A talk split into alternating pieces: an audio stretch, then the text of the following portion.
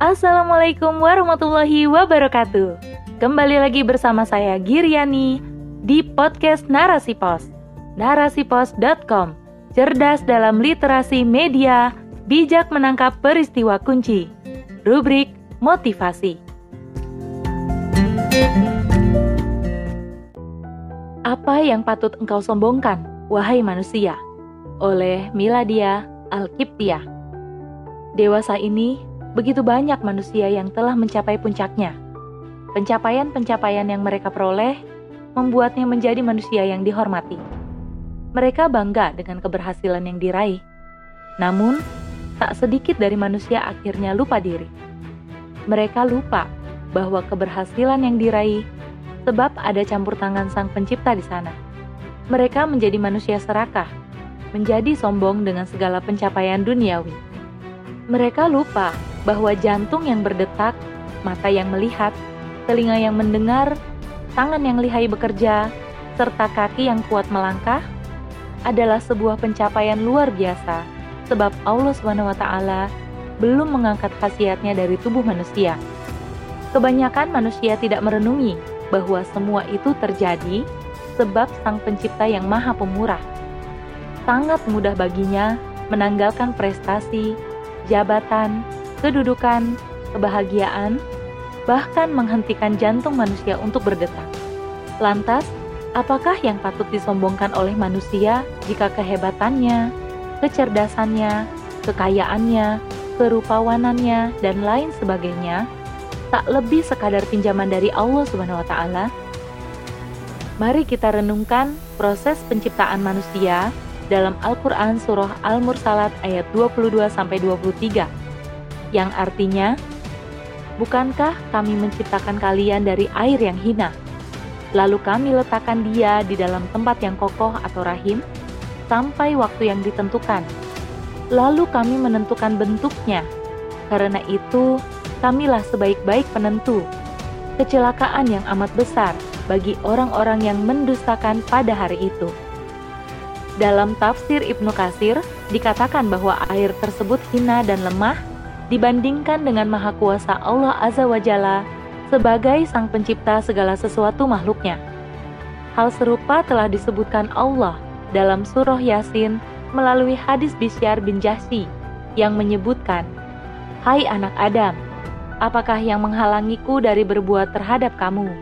Padahal aku telah menciptakan kamu dari suatu air yang hina dengan air seperti air mani. Jika kita perhatikan, penjelasan beberapa ayat sebelumnya, maka hal itu erat kaitannya dengan asal-usul manusia. Ayat ini berupa reminder bahwa manusia ada di dunia ini bukan tercipta dengan sendirinya. Mereka ada sebab ada yang menciptakannya. Siapakah sang pencipta itu? Dialah Allah Azza wa Jalla. Allah telah menciptakan manusia dari setetes air yang hina lalu disempurnakan bentuknya menjadi sebaik-baik manusia. Menjadi sebaik-baik manusia merupakan kenikmatan terbesar yang patut disyukuri oleh manusia.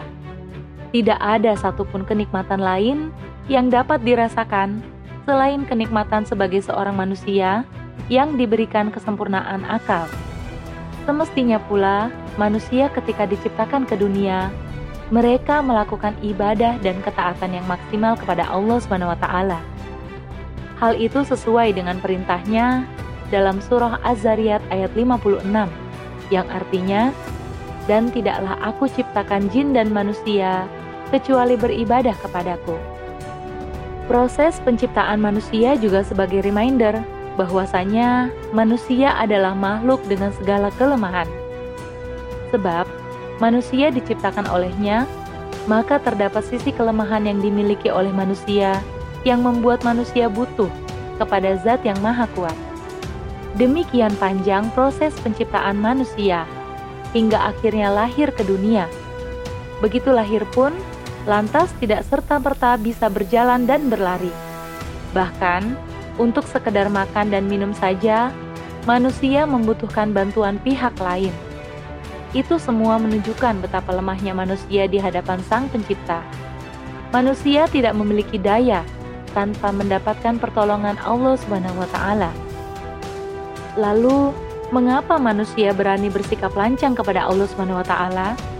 Atas dasar apa mereka berani memusuhi Allah Subhanahu wa taala dan agamanya yang dibawa oleh kekasihnya Rasulullah Shallallahu alaihi wasallam? Sungguh, Allah sediakan hukuman yang layak bagi manusia yang ingkar dan berdusta. Mereka yang sebelumnya tidak ada, kemudian menjadi ada atas izin Allah Subhanahu wa taala. Bahkan mereka diciptakan menjadi sebaik-baik manusia dilengkapi dengan akal sehat, tiba-tiba berani mendustakan penciptanya. Mereka menjadi manusia-manusia pembangkang dan enggan tunduk kepada syariahnya. Padahal, syariah yang diturunkan Allah Subhanahu wa taala tidak lain kecuali sebagai way of life manusia. Oleh karena itu, tidak ada balasan yang layak bagi mereka kecuali hukuman yang keras. Sebagaimana yang kita ketahui, bahwa manusia ketika diberi kemewahan, kebahagiaan, umur yang panjang, serta rezeki yang berlimpah, kebanyakan mereka lupa diri. Mereka berani mencampakkan Allah Subhanahu wa Ta'ala dengan mendustakan ayat-ayat Allah. Maka Allah memperingatkan mereka dengan azab yang amat pedih. Allah Subhanahu wa Ta'ala berfirman dalam surah Al-Lail ayat 12 sampai 16 yang artinya, Sesungguhnya, kewajiban kamilah memberi petunjuk dan sesungguhnya kepunyaan kami pula akhirat dan dunia. Karena itu, kami beri peringatan kepada kalian dengan neraka yang menyala-nyala. Tidak masuk ke dalam neraka itu kecuali orang yang paling celaka, yang mendustakan kebenaran dan berpaling dari iman adalah hak Allah Subhanahu wa Ta'ala memberikan petunjuk agar manusia mampu membedakan antara hak dan batil, halal dan haram, dan jalan menuju surga dan neraka. Allah lah pemilik alam semesta beserta isinya. Allah pula pemilik alam akhirat. Oleh karena itu, manusia yang mendustakan dan mencampakkan petunjuknya, maka telah diberi peringatan yang amat dahsyat oleh Allah bahwa kelak akan masuk ke dalam neraka dengan api yang menyala-nyala. Nauzubillah. Sebuah kewajiban bagi umat manusia menjadikan petunjuk Allah Subhanahu wa taala sebagai way of life mereka. Manusia tidak berhak bahkan lancang meninggalkan, mendustakan, mengabaikan, dan mencampakkan syariatnya. Sebab manusia adalah makhluk yang lemah dan hina. Manusia pasti membutuhkan pedoman hidup untuk meraih kebahagiaan, baik di dunia maupun di akhirat. Manusia tidak berhak mencari petunjuk selain petunjuk Sang Pencipta, sebab Allah menciptakan manusia berikut dengan seperangkat aturan yang menjadi hudal linnas di antara mereka. Allah yang menciptakan manusia, maka Allah pula yang maha tahu yang terbaik untuk manusia di dunia. Manusia adalah tempatnya salah dan hilaf maka Allah bantu manusia dengan petunjuknya agar mereka tidak tersesat. Islamlah sebagai penuntun terbaik kehidupan manusia, sehingga manusia tidak lagi berhak mencari petunjuk selain petunjuk Allah Subhanahu wa Ta'ala melalui syariatnya. Dunia beserta isinya telah berada dalam genggaman kekuasaannya. Allah Subhanahu wa Ta'ala berkuasa memberikan kemudahan hidup bagi manusia yang taat pada Allah dan syariatnya. Allah pula yang memberikan kesulitan hidup bagi mereka yang membangkang terhadap syariat Allah. Tiada satu orang pun yang mampu menolak kehendak dan kekuasaannya.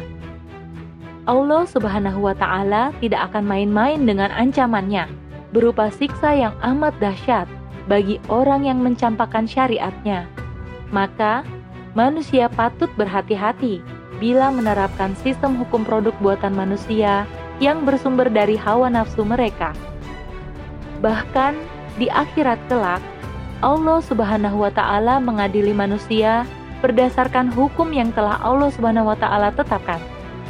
Bukan hukum buatan manusia semasa di dunia.